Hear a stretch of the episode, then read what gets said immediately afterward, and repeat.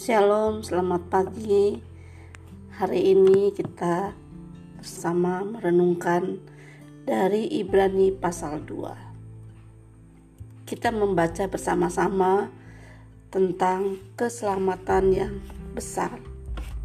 Sebelum penulis Ibrani menjelaskan lebih jauh tentang keselamatan yang besar, penulis mengingatkan untuk kita lebih teliti memperhatikan apa yang kita dengar. Mengapa? Tujuannya supaya kita jangan hanyut di bawah arus. Anak-anak, kalimat ini berarti ada kemungkinan kita ini yang pertama tidak mendengar. Yang kedua, mendengar tapi asal dengar. Sedangkan yang ketiga, mendengar tapi tidak diteliti. Nah, sikap yang membuat kita tetap kuat di dalam Tuhan adalah memperhatikan apa yang kita dengar. Jangan asal dengar, tapi diperhatikan dengan teliti. Di tengah banyak berita hoax, banyaknya arus pengajaran, sikap ini sangat penting loh agar kita tetap kokoh Mari kita minta Roh Kudus untuk menolong kita memperhatikan cara kita mendengar. Anak-anak bisa lihat Lukas pasal 8 ayat 18 yang berkata karena itu perhatikanlah cara kamu mendengar. Itu sebabnya anak-anak penting sekali kita membangun kebiasaan membaca dan memperhatikan firman Tuhan kita bisa menimbang segala hal dari sudut pandang kebenaran firman Tuhan. Yakinlah bahwa Roh Kudus akan menolong kita setia sampai akhir. Tuhan Yesus memberkati.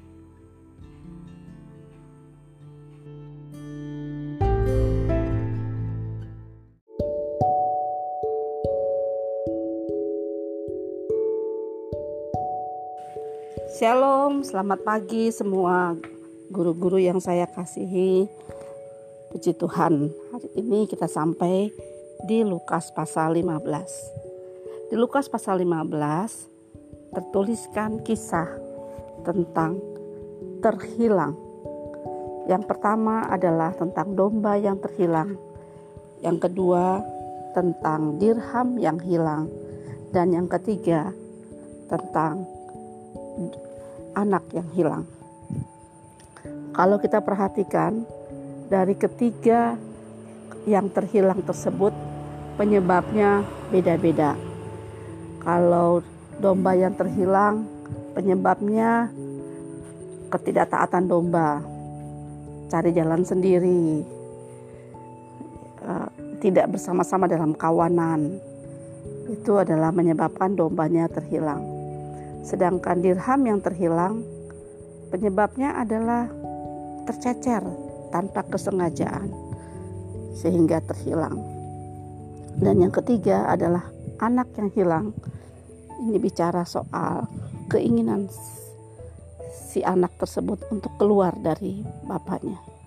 Ini bicara soal uh, free will atau kehendak pribadi, kehendak bebas yang dimanfaatkan untuk keluar dari perlindungan orang tuanya.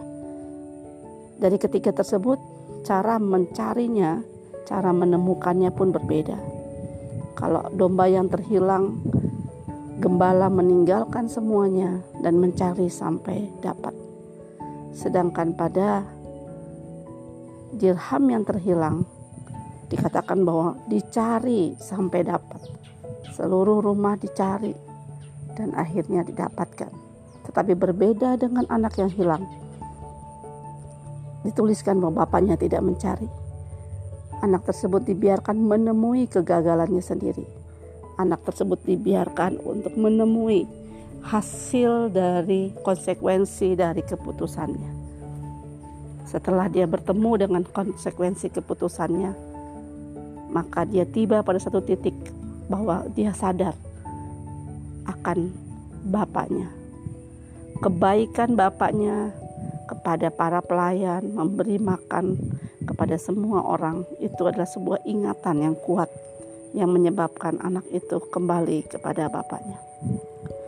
Namun teman-teman, dari semua yang kita lihat, tiga perumpamaan ini ada hal yang sama, yaitu tentang sukacita ketika ditemukan. Ketiganya berbicara sebagaimana gembala bersukacita menghadap sedang dan perempuan itu juga bersukacita, ayah itu juga bersukacita.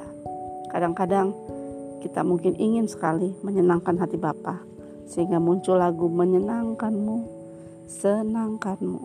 Hanya itu keinginanku, kerinduanku. Hari ini saya disadarkan akan satu hal tentang sukacita di sorga.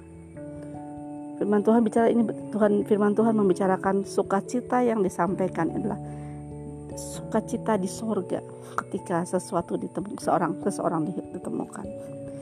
Teman-teman, mari kita kembali kepada kerinduan utama kita apa pun alasan dari seseorang terhilang. Apakah mungkin karena ketersesatan, karena keras kepalaan, keluar dari kelompok, ataukah mungkin karena kesembronoan, ataukah mungkin karena keinginan pribadi. Tapi mari kita menjadi seseorang yang dipanggil Tuhan untuk menemukan kembali yang terhilang. Karena itulah yang sangat menyenangkan hati Bapak sehingga dia berpesta di sorga. Ada banyak malaikat bersuka cita ketika seseorang ditemukan. Bapak Ibu dalam pekerjaan kita, rekan-rekan dalam pekerjaan kita sebagai guru, mari kita juga bertindak sebagai seseorang yang menemukan. Ada banyak di depan kita, kita bisa melihat. Ketika kita bercerita tentang kasus orang tua yang begini begitu, kasus anak yang begini begitu, yang susah untuk ditangani, yang malas, yang bandel, yang merasa, yang anak yang tidak bisa diatur orang tua yang sesungguhnya Tuhan sedang memaparkan di depan kita. Siapa-siapa yang terhilang di kelas kita. Siapa-siapa yang kehilangan arah. Siapa-siapa yang setengah sengaja pergi dari kasih Bapa. Teman-teman kita sebagai guru mempunyai tugas untuk uh, mengajar melakukan penilaian dan sebagainya. Tapi di atas semua itu marilah kita juga bertindak sebagai yang menemukan yang menemukan. Karena ketika kita melakukan itu firman Tuhan dengan jelas mengatakan itulah sukacita di surga yang besar mari kita menjadi seorang pribadi yang membuat Bapa bersukacita secara sederhana hari ini Tuhan mengingatkan bahwa Tuhan disenangkan ketika kita menemukan kembali apa yang hilang demikian teman-teman tugas yang besar yang Tuhan berikan hari ini kepada kita. Mari hari ini kita mentaati ketika teman-teman bertemu dengan siapa pun.